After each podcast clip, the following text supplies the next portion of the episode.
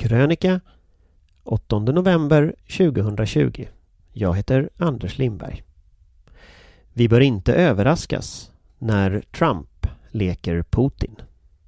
Desinformation ligger i högerpopulismens DNA. Scenen är som hämtad ur James Bond. När skurken tror att han ska vinna berättar han om sina planer. Sen rymmer Bond och besegrar skurken. Slutet gott, allting gott. Donald Trump är magnifik som filmskurk. Han har i flera veckor gått runt och berättat hur han ska försöka stjäla valet. Eftersom fler demokrater än republikaner förtidsröstar tänkte han utropa sig till segrare när främst rösterna i vallokalerna räknats. Sedan skulle han påstå att förtidsrösterna var fusk och gå till domstol. I tisdags gjorde han precis så. Som en sydamerikansk kuppgeneral har han och hans propagandamaskineri sedan kört samma vals dygnet runt. Sociala medier och högerns egna mediekanaler pulserar av desinformation. Citat. Vi har sett en explosionsartad ökning nu idag i samband med att man fortsatt räkna rösterna och då har det blivit en påtaglig ökning av desinformationen. Framförallt inriktat på valresultatet i USA, säger Sebastian Bay som analyserar desinformation vid Totalförsvarets forskningsinstitut, FOI, till Sveriges Radio. Att planen ska fungera hela vägen var nog ett långskott från början.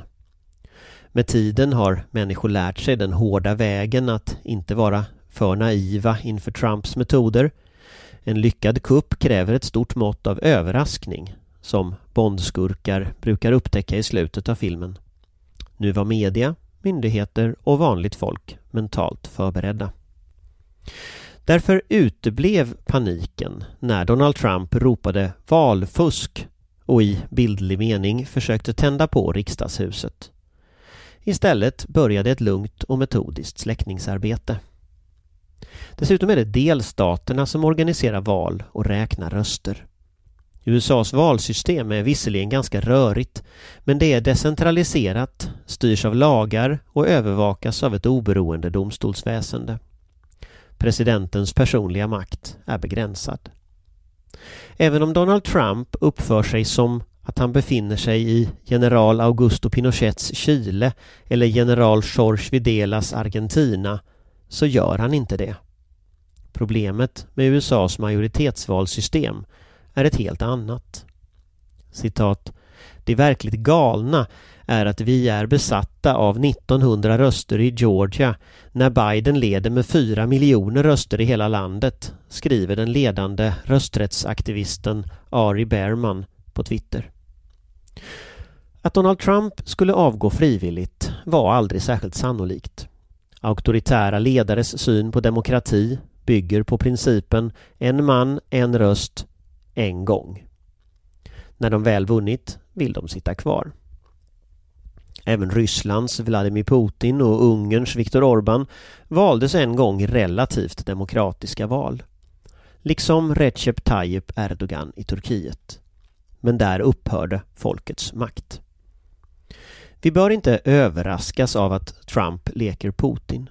Han bedrev valkampanj, regerade och försöker nu skjuta röstningen i sank med samma metoder som han använt hela tiden. Därför blir det väldigt talande när Sverigedemokraternas riksdagsledamöter sprider vidare Donald Trumps desinformation och konspirationsteorier om valet. Citat Twitter censurerar nu ledaren för den fria världen precis efter valet, klagar Tobias Andersson, riksdagsledamot för SD och skickar vidare Trumps tweets om valet. Även SDs officiella partikonto vidarebefordrar presidentens vilseledande propaganda. Själva försökte SD på motsvarande sätt undergräva förtroendet för det svenska riksdagsvalet 2018. Man riggade en Facebookgrupp för att rapportera om valfusk och det pågick en masskampanj bland högerpopulistiska gräsrötter för att lämna in anmälningar mot valet. Samma sak Trump gör nu. Citat det började prata redan i vintras om riggade val. Det ligger i hela alt-right-kontexten att misstro systemet, sa Christer Mattsson, expert på naziströrelser vid Segerstedtinstitutet till Expressen 2018.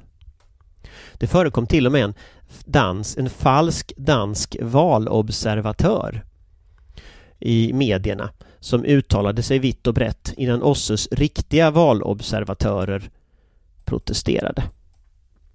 Desinformation kring val är numera en del av det normala. Citat. Det har vi sett som ett påg en pågående tendens under flera val. Även i Sverige under valet 2018 förekom det ju medvetna försök att sprida desinformation om valresultatet, säger Sebastian Bey, FOI. En av USA-valets viktigaste erfarenheter är att vi inte får vara naiva inför högerpopulisternas metoder. Desinformation är en del av rörelsens DNA. Om SD skulle få verklig makt i Sverige bör vi räkna med samma metoder här som vi nu ser i USA. Sverige saknar ännu det mediala ekosystem som högern i USA byggt upp. Visserligen finns GPs och Svenska Dagbladets ledarsidor, kvartal och diverse sajter ute i tassemarkerna. Högern och SD dominerar helt i sociala medier och i SVT har SDs chefsideolog Mattias Karlsson under veckan varit med i nästan alla nyhetssändningar. Men ännu saknas kraften och räckvidden i tv-kanalen Fox News och nättidningen Breitbart News. Det kan därför vara klokt att ha ögonen på det projekt Expressen avslöjade i veckan och som en källa kallar citat ett hemligt superprojekt för den svenska mediahögern. Slutcitat.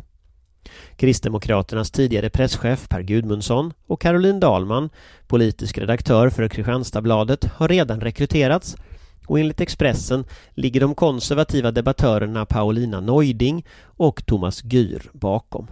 Finansiörerna uppges vara hemliga men startkapitalet är smått astronomiska 50 miljoner kronor. Sannolikt är analysen riktig. Donald Trump hade inte valts utan stöd från organiserad högermedia och om Sverige ska få en konservativ regering behövs nog något liknande. Trumpismen är inte slut bara för att Donald Trump ser ut att vara det.